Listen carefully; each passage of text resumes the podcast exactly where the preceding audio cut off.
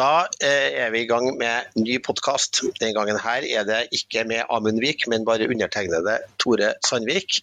Ble Amund eh, feirer da midtsommersaften hele helga til ende med familien i, i, Sverige. Men jeg har fått en gjest, og det er Tarjei Skirbekk. Tarjei har jeg kjent siden jeg tror jeg fant ut i 1988, da vi var unge AUF-ere sammen på kurs eh, første gangen.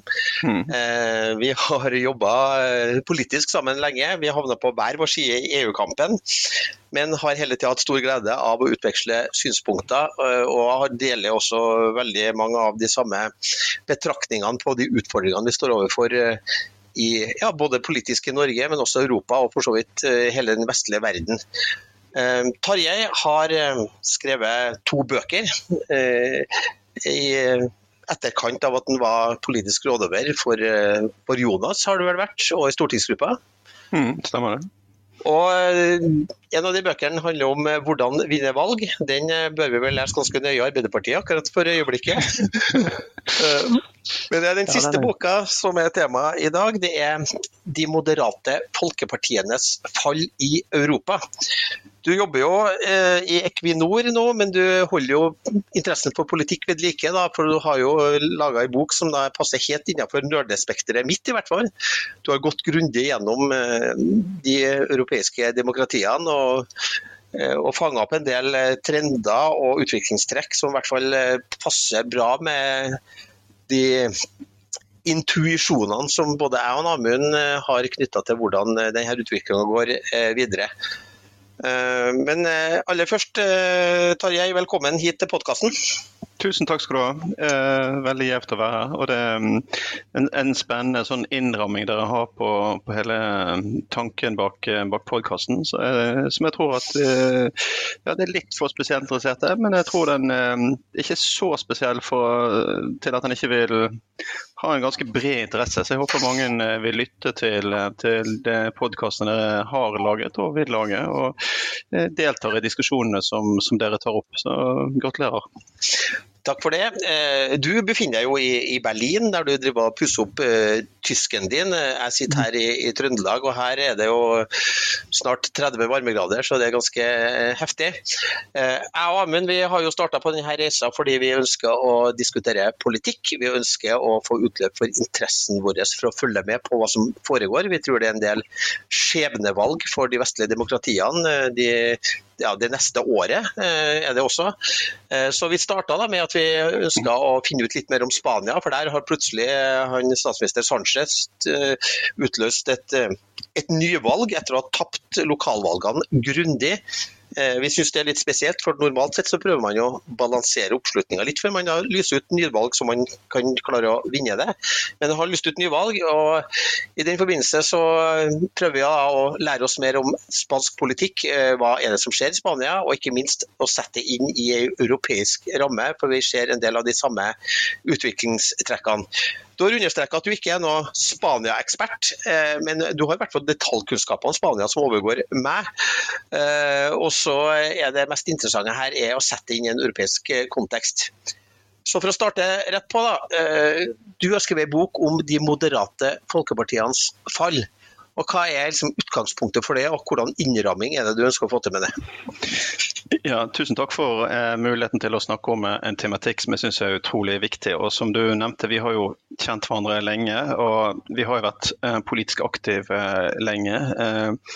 Eh, det, får meg selvfølgelig frem en følelse av at jeg kanskje ikke er ungfol eh, lenger, men det er jo for så vidt riktig. og det er klart for eget vedkommende så husker jeg veldig godt jeg meldte meg inn også i AUF. Det var 22. mai 1986, så det begynner å bli noen år siden. Ehm, så den politiske interessen har jo alltid vært der. Eh, og jeg har jo i perioder også vært aktiv i eh, sosialdemokratiet, altså i Arbeiderpartiet i, i, Norge. Jeg er fortsatt medlem, men jeg er jo ikke aktiv nå. Jeg har ikke vært det på eh, en ganske god stund. Eh, I kraft av også de jobber og interesser jeg har eh, ved siden av. Men så pga. denne politiske interessen så følger jeg selvfølgelig med. Um, og jeg har lyst til å si liksom, Hva var det som gjorde at jeg liksom beveget meg inn for å skrive en sånn uh, type bok? For det var jo, Mange har jo skrevet og diskutert uh, hvordan, spesielt hvordan sosialdemokratiske partier har falt i Europa og enkelte steder kollapset. og Mange har reist og laget reportasjer. Uh, det er mye deskriptiv fortelling om, som viser rett og slett faktuelt at disse har falt. Men jeg satt og grublet på hva er det som er årsaken til at de, de faller, og har de noe potensial til liksom å komme tilbake igjen. Så jeg, jeg liksom hadde interesse for å gå dypere, og det var beveggrunnen min egentlig for å begynne å skrive dette. Så hovedfokuset var eh, de sentrum-venstre-partier i en europeisk kontekst. Um, og Boken handler om Europa. Det, det betyr at den, altså, den handler i grunnen ikke spesifikt om Norge, men fordi den handler om Europa, så handler den selvfølgelig også om Norge. Da, um, som en indirekte for, en del av fortellingen her. Men når jeg satt og, og, begynte å skrive om disse partienes fall og enkelte steder faktisk total kollaps, så oppdaget jeg også ganske, eller ikke ganske snart, det tok et år halvannet, så oppdaget jeg egentlig at disse klassiske sentrum-høyre-partiene, altså konservative partiene, sleit jo nesten like mye. Og da fikk jeg litt vondt i magen. fordi at hva skjer når de to store partigruppene i Europa som har vært så toneangivende og så premissleverende for utviklingen av det moderne Europa og for det, de moderne samfunn og det vi kan kalle det liberale demokrati, som vi i dag tar for gitt i Europa. Når disse to partigruppene da svinner hen, hva skjer da med det politiske kartet? Det er ikke gitt at partiet skal leve forever, selvfølgelig ikke. Men hvilke partier da oppstår? Eh, hvilke politiske dynamikker oppstår? Og Men du, bare, bare først, ja, Tarjei. Ja. Fordi, eh, hvis du bare kan si, hva, hva, hva, er det du beskriver som et moderat folkeparti? Ja, her, her, er liksom det, det vi ofte kaller de statsbærende partiene. Ja, unnskyld, statsbærende partier. Altså, det, er, det er de som, eh, et, et, folkeparti det er et parti som ikke er et interessebasert parti. Det er et parti som favner eh, bredt. Eh, flere grupperinger og én paraply. Um, ofte så pleier jeg å si at hva, hva definerer du i høy oppslutning? Så pleier jeg å si ca. 30 men om det er 26 eller 34 er ikke så viktig, men mm. pluss-minus 30% fordi at du må opp på et visst nivå for å kunne liksom si at du, du dekker mer enn bare én eller to interessesfærer. Og Interessesfærer kan være en, en, region, en befolkningsgruppe, en spesifikk interessefokus, men du dekker flere ting. Og det var det som var Kjennetegnet med disse partiene etter krigen, var at de klarte å være en allianse mellom eh, flere grupperinger under ett. Men enda viktigere, som jeg også prøver å understreke, det var at det var ikke bare en paraply for grupperinger, men det var også en politisk politisk allianse. Og Den politiske alliansen besto av en, en, allianse mellom liberale eh, og mer konservative anlagte mennesker. Både på venstresiden og på høyresiden. Og dette er essensielt, fordi at det er denne alliansen som har smuldret opp hos disse folkepartiene. Og det er det som grunnleggende sett gjør at de også sprekker og mister oppslutning. Og det besto, bare for å si det veldig kort, Tore, på venstresiden så besto det av eh, mer eh, konservative med liten K, eh, stedbundne arbeidere, og mer liberalt anlagte middelklassevelgere i storbyene. Det var balansen på venstresiden. På høyresiden var det mer liberalt anlagte, økonomisk interesserte mennesker som skulle tjene masse penger i en globalisert økonomi, og balansert med mer eh, konservative, stedbundne, men ofte religiøst funderte mennesker. Det var balansen på, på høyresiden. De, disse politiske balansene har forrykket, enten i kraft av et trykk utenfra disse partiene, men også fordi at disse partiene har gått fra å være både og-partier, til å bli renere partier. Faktisk renere på en liberal eh, akse. Og Da er det to akser, den eh, sosioøkonomiske og den sosiokulturelle aksen, hvor det er viktig å finne en balanse ut fra det store hele. Der har disse partiene i stor grad blitt mer liberale, både på økonomi, men også på innvandringsspørsmål. Og da har denne forrykket seg over tid. Og Da har nye nasjonalkonservative partier på ytre høyre oppstått, det har populistiske partier på venstre oppstått, mer interessefokus på eh, midten, kanskje på klima, oppstått. Eh, fordi at disse partiene ikke har klart å fange opp i seg det som faktisk rører seg i befolkningen, og rendyrket én profil. Og, og da eh, går de inn i en sånn enten-eller-modell. Og bare for å avrunde med det, Tore. En enten-eller-konflikt mellom liberale og nasjonalkonservative, som du ser i en rekke land, det er døden for eh, folk, brede folkepartier som er helt avhengig av å finne denne balansen. Men det er også veldig stor utfordring for samfunnet som helhet fordi at det forsterker de underliggende polariseringene du ser i en, en, del land. Så Hovedutfordringen med at disse partiene forsvinner, er grunnen ikke at de forsvinner i seg selv, men følgeeffekten av det for det politiske ordskiftet, men også for stabiliteten i de europeiske samfunn i det store. Du, du beskriver jo også noe som jeg syns er veldig interessant, med styringsdyktigheten til, til de brede folkepartiene det at du, når du blir bred nok i det interessefellesskapet du representerer, så blir du også mer vant til å lage brede kompromisser i ditt eget parti. Og når du da tar over styringa av landet, så vil du også da være lettere for deg da, å lage brede nasjonale kompromiss, da, eller kompromiss som gjør at uh, større deler av befolkninga føler uh, at de kan leve med det styresettet som er, og at du får mindre fragmentering, for du greier å holde den bredden. Uh, er det noe som vi ser i, i dagens Europa? Ja, altså du ser i hvert fall altså, Til det første, ja. Det mange av disse partiene evnet i sine glansdager. da, det Kanskje kan du si at de var litt autoritære og de var litt en annen tid osv. Det er helt sikkert riktig. Men, og, og, og, men, i tillegg så klarte de å ta inn over seg forskjellige grupperingers interesser. Og disse interessene ble liksom utbalansert i de politiske programmene som ble utkrystallisert. Det betyr at hvis jeg var veldig opptatt av én ting, så fikk jeg liksom ikke en ren seier at partiet det som jeg da var en del av, plutselig mente 100 av det jeg mente, men du fikk gjennomslag eh, for det inn i et stort parti. og Da visste du at når det kom i regjering, så ville det bli politikk. og Dermed kunne du sammen med andre klare å få gjennom store deler av det du ønsket å få, eh, få gjennom. Men du måtte inngå kompromisser med andre deler av det partiet. Det betyr at du lærte deg kompromiss, du lærte deg et ordskifte internt eh, og give and take. og Det betyr også at disse partiene hadde en egeninteresse når de også ved å etablere kompromisser også fikk en egeninteresse av å, å, ha dette også når de kom inn i regjering. Altså De hadde en trening i å etablere kompromisser, en trening i å, liksom, å interagere med de store flatene ut. Men hvis du blir et renere parti, hvor den interne dynamikken egentlig handler om å hele tiden være sterkere og tydeligere, enten det er på klima eller innvandring, for å ta de mest åpenbare eksemplene, så er den interne dynamikken der på å bli tøffere og tøffere og tøffere. Og du får kanskje en tilslutning på x prosent av velgerne, men det gjør at når du kommer inn i regjering, så må du ha rene seire, og det er ikke mulig. Mm. og Da vil du enten ikke gå inn i regjering, eller du går inn i regjering og taper oppslutning fordi at ikke du får rene, rene seire. Så Det er noe med hønen og egget her, selvfølgelig. Men hele dynamikken vi nå ser med langt flere partier som kommer inn, gjør det vanskeligere å danne styringsdyktige eh, regjeringer. Eh, og Det eh, er ikke til det gode for de av oss som tilhører den moderate siden på en eller annen fløy, fordi at det bare forsterker liksom ønsket om å få klarere styring. og Dermed begynner folk å bevege seg ut på siden eller la være å stemme, som du også faktisk ser. Vi ser jo når vi ser valganalyser når vi går gjennom elektoratet både i Norge og andre plasser, at det er jo fortsatt sånn at mesteparten av velgerne befinner seg jo egentlig i en slags moderat posisjon. Eh, Amund nevnte eh, så vidt når vi snakka om, om, Spania i, i, den forrige episoden av podkasten, at mange av de Spania, eh, partiene som nå stiller til valg i Spania, egentlig er mer polarisert enn velgerne er. Og Dermed så får du også da selvfølgelig utfordringer etter hvert med både valgoppslutning og andre ting. hvis det er, Med mindre du får enkeltsaker som du brenner så mye for at du skal stemme på det partiet, så blir det også da færre partier for de som ønsker kanskje litt eh, roligere politikk, det er litt mer moderat politikk. Ønsker litt mer brede nasjonale samlinger om, om de store sakene. Eh, og Du risikerer da selvfølgelig både valgoppslutninga, men du risikerer også at du får mye mer enten-eller-politikk. Eh, det, du nevnte det jo så vidt. Mm. Normalt sett, så både i Norge og, i, de, i hvert fall i de fleste store europeiske land, så har jo valgene vært ei, ei, et valg om en justering av kursen. Men nå får du nærmest mer valg som handler seg om andre samfunnssystem. Det er et enten-eller-valg i stor grad. Eh, det er enten Le Pen eller Macron, som må sies å være veldig to ytterliggående retninger. Du får det også på andre områder. Uh, ja, ja, og du har flere eksempler på det vi, vi ser på denne, altså denne såkalte nye uh, konfliktlinjen, som er en sånn liberal, liberalistisk, nasjonalkonservativ uh, fløy.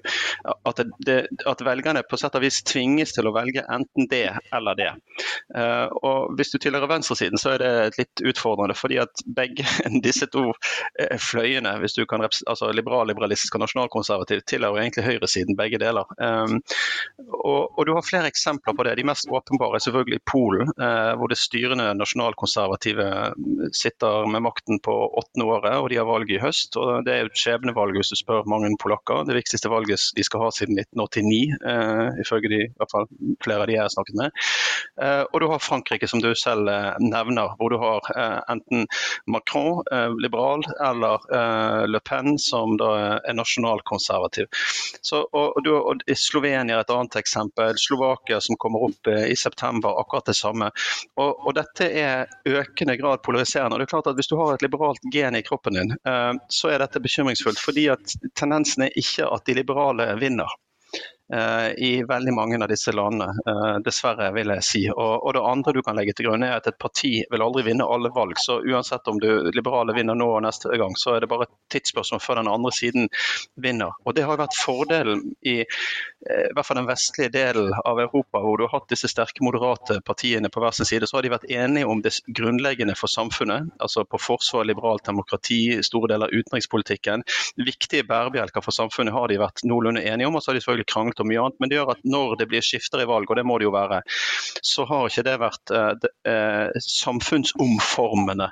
Eh, i den grad som vi nå ser at det potensielt kan være. Beste eksempel er selvfølgelig Ungarn, hvordan Ungarn utvikler seg. og Neste er Polen. Og vi kunne vært i, i, flere land. Så Det er en utvikling rundt omkring som er, er ganske bekymringsfull, og som jeg ikke tror at vi skal ta altfor for lett på. Altså. Du, du, sa jo også til meg litt tidligere når vi snakka altså at uh, altså i, i, Norden har det jo vært veldig stor grad dominert av, av sosialdemokratiet, selv om vi også har uh, Høyre og Moderaterne og andre har vært inne og styrt uh, og hatt noen justering av kurser. Vi har skifta på, på styre landet. Eh, men i, i, Tyskland så har jo Kristeligdemokratene vært eh, mye av det her statsbærende partiet, selv om det mm. også har vært uh, sosialdemokratisk styre der i store deler av tida. Ja, ja. Altså, hvis du ser eh, du må huske, Vi må prøve å huske liksom kartet etter krigen. Altså, var, eh, hele Øst-Europa var jo kommunistisk. og I sør så hadde du land som Hellas, Spania og Portugal var jo fascistisk helt frem til midten på, på 70-tallet. Så det er egentlig bare den nordvestlige delen av uh, Europa som var, liksom, ble demokratisk. Og, og, Det var ikke gitt at den delen av Europa faktisk skulle bli det vi i dag tar som en selvfølge. Det var mye interne spenninger. Kommunisten hadde 35-40% oppslutning i land som Frankrike. og Italia. Folk var internt eh, slitne, urolige. Ehm, så, så det, de, det, de, moderate klarte å få til med å lage en politisk stabilitet, skal ikke undervurderes. Og som du nevner, i skandinaviske land så var det sosialdemokratiske partiene som tok eh, ledertrøyen. Men på kontinentet så var det den, det vi kan kalle den moderate høyresiden, altså kristeligdemokrater, konservative, som hadde ledertrøyen. Og du kan ikke undervurdere deres betydning eh, på kontinentet eh, på samme måte som du kan ikke undervurdere sosialdemokratiets betydning i de skandinaviske europeiske land. I disse europeiske landene på kontinentet så var ikke venstresiden såkalt electable før det gikk 10-15, til og med 20 år etter krigen, før de kom inn i regjering. Og Det, det skjedde bl.a. fordi at disse partiene måtte justere seg fra å være et veldig, veldig mer renere interessebaserte partier på f.eks. marxistisk økonomisk politikk, mm. eh, arbeiderklassen og sånne ting. De måtte bli, bre seg litt ut, og dermed fikk de bredere oppslutning, og dermed kom de også inn i regjering. Og ble en del av den moderate liksom, fortellingen ideen om stabilitet i Europa over veldig mange år. Så har det selvfølgelig vært mye uro i Europa enkeltvis, men ser du historisk over under ett, så har det vært en veldig god periode fra krigen og, og frem til i dag. Da. Vi har jo også en utvikling nå der vi ser at jo, vi er jo særlig opptatt av sosialdemokratiet rundt omkring. Mm. Uh, at uh, der man før kunne tape et valg og kanskje ligge litt nede, så kunne man komme tilbake. Så hadde man litt sånn bytte av makt. Mm. Men nå er jo tilfellet i, i, Frankrike. Der har jo Sosialistpartiet forsvunnet nærmest. De eksisterer ikke lenger tapte vel også all valgstøtte etter de kom, fikk under 2 uh, sist. I Italia så er det jo nærmest borte. Mm. man sitter i posisjon i, i, Tyskland, men målingene er veldig annerledes. Man kommer kanskje tilbake igjen i, i, i Storbritannia, men der er liksom valgsystemet litt favoriserer i mye større grad to, topartssystemet. Uh, i, i, Sverige, selv om sosialdemokratene ligger høyt på målingene, eh, så har det jo ikke vært rødt flertall i Sverige eh, de siste 20 årene. Det har bare vært en spesiell situasjon der ingen tok i Sverigedemokraterna med tang før siste valg, som gjorde at vi hadde mindretallsregjeringer fra sosialdemokratiet. Så styrer man i Danmark, men der har man gått motsatt vei. og og gått litt mer inn i midten. Men hvordan står det til med sosialdemokratiet i, i Øst-Europa? Det har jo kommet inn en hel bråte med østeuropeiske land. Godt spørsmål, Tore. Altså, det er elleve uh, tidligere, såkalt tidligere østeuropeiske land som er medlem av EU. Og, og, som du nevner, Storbritannia er et litt annet type land, ikke fordi de ikke er medlem av EU, men fordi de har et topartisystem. Så det er litt vanskeligere å, å putte det inn i sånn sammenligningsgrunnlag helt direkte, selv om det er mye å, å si om, om, Storbritannia. Men jeg har bare lyst til å nevne før jeg kommer til sosialdemokratiet, hvordan det står til med de. Så har jeg også lyst til å si altså disse konservative partiene som vi snakket om, som var helt toneangivende i Europa, sant, som vi ikke kunne undervurdere. I dag så sitter de, de sitter ikke i noen av de fem store EU-landenes regjering. De sitter ikke i Polen, ikke i Tyskland, ikke i Frankrike, ikke i Spania.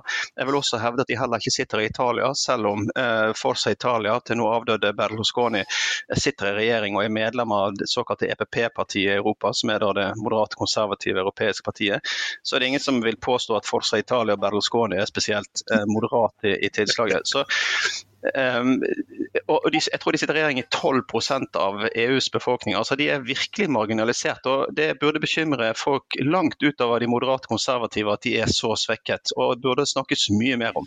Når det kommer til sosialdemokratiet, så er du helt rett. altså I Frankrike er de mer eller mindre utradert. De sitter kanskje i noen regioner, en del eh, lokale styre, mindre byer. Eh, men presidentvalget i fjor så fikk de jo 1,74 Det er jo helt skandaløst. og Det er altså fem år etter at dette partiet hadde presidenten. Så Det mm. bare sier noe om kollapsen her. og I Hellas uh, kjenner man alle til dette passifisering. Er det et parti som kollapser fra 44 til 4% på en, en periode. Uh, så Dette er selvfølgelig ekstremtilfellene, uh, men jevnt over så går det nedover for de sosialdemokratiske partiene. og de, de, har, har hatt det gode å se noen gode eksempler på at partiene har klart å, å løfte seg opp igjen til nevneverdige høyder. Øst-Europa, der er det to såkalte normale land land anførselstegn, med, vestlige øyne. og Det er Kroatia og, og, og, Litauen. Har kanskje normale sånne politiske konstellasjoner, høyre-venstre, ja, en eller annen balanseform. De ni andre er det veldig vanskelig å, å, egentlig å skjønne hva som er dynamikken, og de er veldig særegne for det enkelte landet. Men det som er gjennomgående, er at venstresiden er mer eller mindre utradert. Altså I beste fall så er de kanskje på 15-20 til sammen. Der venstresiden, sosialdemokratiet f.eks., gjør det bra med det blotte øyet. bare Når vi ser skanner over, så kan man se at i Romania så får de 37% og i Slovakia så er det to sosialdemokratiske partier som til sammen får over 40% Det må jo være kjempebra. Vel, altså Hvis du ser litt nærmere på det, så er både det rumenske partiet og de to partiene i Slovakia er jo ikke sosialdemokratiske partier. De er jo mer Viktor Orban og svært nasjonalkonservative slash nasjonalistiske partier. Og har jo blitt permittert fra den europeiske sosialistiske partigruppen også, i hvert fall de i Slovakia har blitt det. Slik at eh, i Øst-Europa så er det problematisk. at Tsjekkia, bare for å nevne det, Tore, så, eh, som er et land med lang politisk tradisjon, lenge før første verdenskrig, også i mellomkrigstiden. Det nest eldste sosialdemokratiske partiet verden er i Tsjekkia. Altså, eh, venstresiden kom inn med null representanter ved parlamentsvalget i fjor. Ingen. Nada. Null. Polen så er venstresiden samlet oppslutning mellom 8 og 9% altså, Det er helt krise. Så I mange av disse landene så har jo venstresiden redusert et demonstrasjonstog eller et støtteparti til en eller annen høyre eh, ledet regjering. Om den er nasjonalkonservativ eller liberal, eh, liberalistisk, det eh, er jo litt avhengig av valget. Men det er veldig alvorlig for venstresiden i veldig mange land, det er utvilsomt. Ja, vi kan jo da, hvis vi skulle oppsummere altså, Det var valg i Tyskland før energikrisa. Det var valg i Frankrike hvor Macron vant ja, nokså komfortabelt, men uh, veldig jevnt mot uh, Le Pen. Men det var også før den verste delen av energikrisa og, og gryende arbeidsledighet. Så hvordan ligger det an f.eks. nå da på målingene i, i Tyskland? er det fortsatt stor oppslutning om Scholz? Jeg vil tippe at folk eh, Jeg har ikke sett noen sånne eh, målinger som viser om han er veldig populær eller ikke. Jeg har observert noen som sier, tilsier at han ikke er blant de mest populære. Men jeg tror han er helt på det jevne. Men oppslutningen om partiet eh, ligger også forholdsvis jevnt, og det betyr mellom 18 og 20% På de siste meldingsmålingene så er de på 19 og det ytre høyre-partiet, altså Alternativ for Deutschland, har da 19,1, altså marginalt større og dermed nest største parti i eh, Tyskland. Og dette er jo et parti som nå har jo Tyskland et veldig, eh, hva skal man si, en streng grunnlov som forbyr mye ytterliggående eh, høyreretorikk og, og sånt, nat av naturlige historiske grunner. Eh, men dette er jo et parti som er under overvåkning av eh, landets eh, etterretningstjeneste. Altså, det sier jo ganske mye. Og, men det er klart eh, Tyskland har, har gjennomlevd eh, mye. Det er økonomiske utfordringer. Eh, de tok imot eh, svært mange innvandrere i 2015 og dette partiet fikk sitt gjennomslag. I 2022 tok de imot enda flere enn i det såkalte kriseåret i 2015. Altså over en million ukrainere pluss et vanlig tilsig av nesten en halv million andre asylsøkere. Inflasjonen er kjempehøy, energikrisen merker de, økonomien er usikker. Det er klart Dette skaper en grobunn for, for ytterkrefter, pluss at den nåværende regjeringen som består av tre partier eh, også sliter med å, å samordne seg, eh, seg selv. Og så er det siste som også er interessant, det er hvordan de konservative, tradisjonelle kristendemokratiske partiene som du nevnte, Tore, ikke klarer å ta opp i seg eh, den uroen og misnøyen, men at det er dette ytterhøyrepartiet som, som gjør det, og ikke de tradisjonelle moderate kristenkonservative, som i dag ligger på rundt 28% og de burde jo ut ifra forholdet sannsynligvis hatt 35, nærmere 40% og det har de også historisk. Eh, det er jo historiske tall de også har vært på. Ja, Vi skal begynne å nærme oss uh, Spania for å si litt om hva som mm. skjer der også. Men hvis du bare kunne oppsummere litt. Du, du har snakka litt, litt, om før at uh, det er noen sånn tidslinje knytta til når det her partifragmenteringa uh, oppsto, når det mm. tok skjøt fart. Det er noen sånne milepæler. altså Finanskrisa ligger vel sikkert og ulmer under mye av det her. Men det er også flyktningkrisa, nevnte du. Mm. At da skjedde det også noe. Kan du si litt om det, og hvordan eh, det har påvirka? Ja, det skal jeg gjøre. Jeg skal bare, altså det er fem veldig veldig korte overskriftsting som jeg bare mener er viktige. Det ene er at disse moderate partiene som vi nå har prøvd å definere hva er, de har svekket seg kraftig. Enkelte steder kollapser. Facts on the ground. Det andre vi ser, det er at langt flere partier stiller til valg. Eh, vi skal komme tilbake til det kanskje under Spania, men bare det siste tyske valget for halvannet år siden stilte 54 partier til valg. I Nederland 31. I Danmark stilte 14. Eh, også i Norge sitter det ti partigrupper i Stortinget hvis du tar med den ene representanten fra Finnmark. Det er en tendens vi ser overalt. Eh, det tredje som vi har vært innom, venstresiden kraftig svekket i veldig mange land, enkelte steder helt utradert. Og det fjerde er at populistiske og ytre høyre-krefter har en historisk høy oppslutning. De har aldri hatt så stor oppslutning. Nå tar vi alle populister og ytre venstre og ytre høyre inn i én pott. Altså begge sidene? Begge sidene, alt som er populistiske og ytterkrefter. Da får du 24,1. og Dette er tall for et par år tilbake. Om den har økt uh, mye, det tviler jeg på, men kanskje marginalt, så la oss si 25% Men det er like stor, altså det er høyere oppslutning enn disse partiene hadde på, på slutten av 1920-tallet. bare Ingen sammenligning for øvrig. Men det siste jeg har bare lyst til å nevne som jeg syns er enda verre, eh, om mulig, det er at valgdeltakelsen har sunket kraftig. Altså I 1990 så deltok 85% europeere ved nasjonale parlamentsvalg. Nå ligger det under under 65 og det er synkende. og Det betyr at det største partiet i dag er ikke-velgere, altså på 35% Og Så kombinerer du det med de som stemmer på ytterliggående populistiske partier, så har du faktisk over halvparten europeiske velgere som altså én ikke ønsker å delta i demokratiske valg, eller stemmer på populister eller ytterkrefter. Og det er klart at Tilhører du en eller annen moderat fløy i den politiske brede konstellasjonen, så må det ringe noen alarmklokker at noe må eh, endres. Og så til, kan du se noen knekkpunkter? Ja, det kan du. Det er tre helt åpenbare knekkpunkter. Det første er rundt 2000. Da eh, eh, glipper eh, disse østeuropeiske landene for de moderate partiene. Og Det er helt åpenbare grunner til det. Disse, partiene, disse menneskene som bodde i disse, og bor i disse landene, de var lei av kommunismen. Da hadde de prøvd det. Så hadde de 90-tallet, fikk de moderat styre. Disse vestlige moderatpartiene kom inn, etablerte partier og vant valg, som styrte 90-tallet. Men de styrte på et knallhard nyliberalistisk politikk, som betydde at alt som var viktig for disse velgerne og menneskene i går, de var helt uviktige i dag. Eh, pensjon ble kuttet kraftig, velferden ble kuttet kraftig, arbeidsplasser ble lagt ned. Det var en enorm omstilling vi ikke helt kan forestille oss, og en enorm påkjenning. Og Da ville de ikke ha det heller. Og Der sto nasjonalkonservative på sidelinjen og tilbød noe annet, og det var velgerne klar for, og der er de ennå. Nasjonalkonservative har rett og slett klart å holde på disse velgerne. og Der de ikke har klart å etablere seg som egne partier, så har de endret de moderate partiene, jf. Romania, jf. Slovakia, jf. Også Slovenia for det moderate konservative partiet, som også har blitt et populistisk parti. Så én 2000 glipp av. Det andre det er finanskrisen, finanskrisen i 2008. I Norge så tror vi det er en liten dump i veien, og det var det jo i stor grad. Men i Europa så ga, ga det enorme utslag. Sosiale utslag, som også ga politiske utslag. Altså Det var en eurokrise inne der. Altså Det var enorme konsekvenser eh, for, for, veldig mange mennesker, som mange fortsatt lever med. Eh, og Det er der eh, høyrepopulister, men også venstrepopulister, som vi skal komme tilbake igjen i Spania, finner sitt grunnlag eh, og, og, vokser. Og så Det tredje er i 2015 med innvandringskrisen. og Der er det mengden eh, og uoversiktligheten, og at folk opplever at systemet ikke holder vann, og at folk ikke har kontroll. Eh, og Mange stiller helt legitime spørsmål om hvor skal disse bo, hvor skal de gå på skole, hva skjer med sykehus og helsevesen osv. Ingen av disse spørsmålene ble svart fra de styrende moderate partier. Snarere tvert imot, det ble liksom avvist, og du fikk et moralsk tilslag på debatten på at ja, vi, vi schaffen das, som Merkel sa, dette får vi til. Eh, åpne hjertene, som den konservative Reinfeldt sa i Sverige. Det var ikke svar som velgerne ville ha. Og igjen, der er det ytre høyre og radikale høyrepartiene får sitt store oppsving, og de har holdt på det.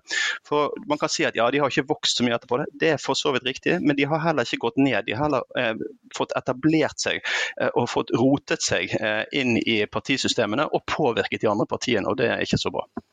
Ja, hvis jeg skal oppsummere nå, da, så er det jo eh, Vi glemmer jo at det også er nært oss. altså Sverigedemokraterna har avgjørende innflytelse på, på den svenske regjeringa. Ja, ja, de er jo største partiet på høyresiden nå, med 20,5 Og husk at det partiet altså på 12 år, det er 12 år fra det partiet kom inn i Riksdagen til at altså, de i fjor fikk 20,5% På de 12 årene så har de firedoblet oppslutningen. Hva er de tre tingene de har snakket om? Jo, de har snakket om kriminalitet, innvandring og integrering. Hva hadde vært de tre viktigste sakene i eh, Sverige de siste årene? Kriminalitet, innvandring og integrering. Ok, Hva har de moderatpartiene svart på dette? Altfor lite og altfor seint. Disse partiene har ikke tatt inn over seg den uroen som har vært i mange av disse landene. og Da er vi tilbake igjen til det vi snakket om innledningsvis. Viktigheten av at disse partiene er lydhøre i forhold til det som skjer rundt, eh, rundt seg og blant velgerne, for å gi de svar som faktisk er helt reelle. Eh, svar mm. på reelle problemer. Så kan vi si Det er jo litt vanskeligere å definere det, men det sandfinnene kommer jo også nå mm. eh, inn i Finland. Sandfinne er jo faktisk, det er jo ikke alle som kjenner til de. Eh, de har sittet litt lengre i finsk eh, riksdag. Eh, og De ble vel nest størst, hvis ikke jeg nå husker helt feil, litt over Sosialdemokratene. Og de har kommet inn i regjering, jeg vil si igjen, for de har fått svært en gang før. Og de er ganske vasse Sandfinn, altså. Rundt, og de har, fikk ikke 20,5 som Sverigedemokratene, men det var ikke så, så langt unna. Og, og oppslutning på 15-20 for, for disse partiene begynner å bli vanlige i veldig mange land, og enkelte faktisk mye høyere f.eks. i Italia, da, hvis du er innom der f.eks., eller enkelte andre eh, europeiske land. Ja, for å oppsummere litt, altså, Nært oss da, Finland og Sverige har de innflytelse. Polen er fullstendig på, på vidvanke. Uh, Ungarn med Orban vet vi alt om. Du har oppsummert litt om resten av Øst-Europa. Uh, så vant de i uh, Italia. De var nære på i Frankrike. Uh, og Nå skal vi da inn i et valg da i juli i, i Spania. Eh, hvor eh, partiet, høyre, det høyrepopulistiske partiet Vox eh, ikke blir størst, blir ikke nest størst, men blir i hvert fall stor nok til å få avgjørende innflytelse, sannsynligvis på det som skal skje i Spania framover. Ja, veldig spennende. Det var et parti som kom inn altså Det er jo etablert i 2018, dette Vox. Og, og Vox er jo altså Hvilket parti er Vox? Eh, man sier jo at Meloni og Brødre for Italia er, har er liksom tredje generasjon etter Mussolini og hans fascistparti. Så de har fascistiske røtter, helt klart, og har samme emblem som eh, man også etablerte rett etter krigen for, for det som var eh, postfascistpartiet. Um, Vox er nok enda tydeligere, enda renere på sin franco tilknytning. Så det er ganske eh, knallhardt parti på, eh, langs en del eh, akser, og ikke minst historisk i, i, i, Spania. Og Det partiet ble altså etablert i 2018 og kom inn da som en kule i 2019 med nesten 15% oppslutning. Så har ikke de fått økt oppslutning. De har vært oppe i 18-19% på målingene, men det siste jeg så nå var at de lå på rundt 14 eh, så de holder seg stabil på, på det de var eh, for, for, fire år siden. Men Partiet Popular, som er det konservative moderatpartiet, gjør det, gjør det bedre. Så høyresiden samlet sett gjør det bedre, men spørsmålet er om, selvfølgelig om det er nok til at de klarer å vinne valg. Og Den store eh, diskusjonstemaet som venstresiden selvfølgelig vil ha i Spania, er om et valg på PP, altså Partiet Popular, er et valg på Vox. Og Der vet man at velgerne til dette moderate, konservative partiet er splittet. Så det kan godt hende at det kan være en suksess ved å klistre Vox til Partiet Det Popular, men det er litt tidlig å, å, å si. Du, du sjekker jo også du, du, altså, Spania er litt sånn spesielt politisk. Vi skal også ha andre gjester som skal fortelle litt om det. Det er jo et veldig ferskt demokrati. Det er jo på midten av 70-tallet at man fikk eh, demokratiske valg igjen etter Franco. Mm. Eh, og Så har det vært eh, litt skifte mellom to store partier der. og så fikk man eh, for 20 år siden så begynte det å bli en litt eh, bredere eh, partiflora der også. Du har også litt spesielle ting med, med Catalonia og Baskeland eh, som henger igjen som en del av dynamikken i Spania. De hadde jo en slags glemselspakt etter Franco for å komme videre. Mm. Så det ligger mye ulme i Spania som er vanskelig å få tak i når man ikke Eh, følger det tett, og det skal vi forsøke å få forklaringer på av, av folk som har fulgt det litt historisk også. Men eh, du fortalte meg at det er ganske mange som stiller nå til valg i, i Spania. og de stiller vel også litt under paraplyer til hverandre, så de, de skjuler litt hvor mange det er. Eh, men det er sånne felleslister på, på en del partier. Ja, altså Med første øyesyn så ser du at det er kanskje fem-seks partier som er hovedpartiene. Men eh, min sånn kjappe hoderegning nå er at det er eh, ca. 18 partier som stiller eh, til valg. Men disse partiene er mer som partiparaplyer. For reelt sett så er det langt over 60 partier som stiller til valg. Og i 2019, altså når det var sist valg i Spania, så var det 61 partier som stilte valg. Og det er omtrent det samme som nå, men de har konsolidert mer stillingen. Og eh, en del av lytterne kan sikkert kjenne igjen partiet Pademos, eh, Vi kan, som er da et venstrepopulistisk parti, som da ble etablert etter finanskrisen og reaksjonene på det. Og stilte til valg første gang i 2014 og fikk sitt gjennomslag i 2015. Det har jo ceased to exist. altså Det har rett og slett blitt eh, overtatt av et annet parti som heter Sumar, og som da på godt norsk betyr samlet. og det, det skjønner jeg hvorfor de bruker det navnet. fordi at under parti, dette partinavnet så er det 22 partier som er samles under én eh, paraply. Så det er klart at det er virkelig en samlingskonstellasjon. Eh, og, og, de ligger an til å Og det tror jeg var smart, for det Pademos hadde fått mye kritikk, eh, gjort en del feil. Tidligere leder gikk av, ny leder kommer inn. Juliana Diaz, som er ganske populær. Og de ligger an til å konsolidere stillingen fra sist valg, som betyr ca. 13-14% Så det betyr at du får et venstrepopulistisk parti på 13-14% og du får et ytterliggående Høyre på en 14-15 og så får du disse to moderatpartiene i midten som har svekket seg, men fortsatt vil jeg påstå holder stand på forholdsvis høye nivåer. Altså Sosialistene med, ligger an til å få mellom 6-27 og Partiet Populær på faktisk eh, nærmere 35% og Det er i europeisk målestokk uh, veldig bra. Men det er jo ikke nok for å, å, danne en regjering. og Det er der alle disse små partiene som du er inne på, Tore, så, hvor de er helt avhengig av støtte fra, fra mange av de andre partiene som stiller, og som kan komme inn. Sperregrensen er 3 og du kan få eh, Baskaland-partier stiller, Katalan, frigjøringspartier stiller og kan få nok oppslutning til å komme inn. Men um, det blir veldig spennende å, å følge med. Og um, Hvis jeg bare kan si en ting til om dette med Vox og Popular, så det, begynner det å bli den store diskusjonen til Partiet Popular, stor irritasjon. Fordi at etter det lokalvalget, som du nevnte innledningsvis, Uh, hvor sosialistene gikk på en smell. og uh, statsminister Sanchez skrev ut dette nyvalget på veldig raskt. Han kunne jo vente til november, men gjør det nå. Eh, så har eh, Partiet Popular og Vox inngått allianser i 140 kommuner, og den største i Valencia. slik at Partiet Popular kommer ikke unna av at, at de, ja, vi vil egentlig ikke ha det i regjering, når fakta on the ground tilsier at jo, det er det som kommer til å, å skje. Og jeg tror eh, Det er en av de grunnene, en av to hovedgrunner til at Chancellor skriver ut dette nyvalget. Én, at han ser at han kan bruke dette for alt det er verdt, og mobilisere argumentere på sin egen uh, side mot Vox. Dette er et folkeavstemning mot Vox. Hvem er Spania? Uh, who, do we want to be? Uh, og det andre er at dette er også første begynnelsen på EU-formannskapet til Spania. Det betyr at Sanchez fotograferes mye med internasjonale store statsministre, og han representerer Spania. sikkert han får, Det er viktig for Spania nå også sammen, nå som Spania har EU-formannskapet i en krevende tid for Europa og verden osv. Så, videre. så jeg tror det er de to grunnene til at han gjør det. Og Sanchez Sanchez er en fighter. altså Han tok over eh, partiet mot partiets egen vilje. Han reiste rundt på egen hånd og samlet oppslutning og bygde stein for stein. Så han har ikke tenkt å, å gi seg. Så jeg vil ikke bli overrasket hvis Sanchez klarer å dra dette i land. Men hvis han klarer det, så er det må jeg si, eh, ganske imponerende. Mm. Du, Vi må begynne å gå inn for, for landing. Eh, men Jeg stilte deg et spørsmål også før vi begynte å prate sammen på, på podden her om eh, eh, det er jo helt åpenbart at Når det blir krisetider, så vet vi at populistiske partier de, de stiger. I hvert fall hvis det ikke gis gode nok svar. Folk blir misfornøyd med det er dyrtid, det er energikrise.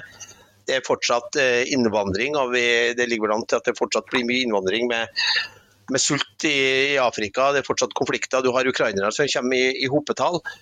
Eh, men hvorfor er det, eller er det, jeg må nesten spørre sånn da, er det sånn at det virker i hvert fall som om det er høyrepopulistene som da klarer å finne veiene inn til makt, mens venstrepopulistene blir sittende uten makt eh, rundt omkring. Jeg vet ikke hvordan observasjonen din er på det? Uh, jo, altså det er to steder. Jo, Overordnet sett så er nok det, det er høyrepopulister som gjør det best. Uh, ytre høyre som gjør det best når du ser på populister uh, totalt sett. men det er vel et par-tre land som er unntaket her. ene har vi snakket om, Spania. Pademos, åpenbart venstrepopulistisk. det andre landet er Hellas, hvor Syrissa, som seilte opp når sosialdemokratiet kollapset, er, kan også defineres som i hvert fall venstrepopulistisk eh, light-parti. Ehm, du hadde også Mélenchon som stilte presidentvalget i Frankrike. Åpenbart en eh, venstrepopulist og gjør det veldig bra. Og i dag, hvis det hadde vært presidentvalg i Frankrike, så hadde jo valget vært mellom Mélenchon på ytre venstre eller Le Pen på ytre høyre. Jeg er litt usikker på hva som er pest og kolera, vil jeg kanskje påstå. Eh, men Og også har du Irland, hvor du også har et venstrepopulistparti som gjør det veldig bra. og Det er jo et parti mange av oss kanskje drar kjensler på når vi sier navnet, nemlig Sinn Fein, som er den politiske fløyen til IRA. Og De eh, har da en historisk høy oppslutning. På sist valg fikk de 25 nå har de vel kanskje 35% på målingene.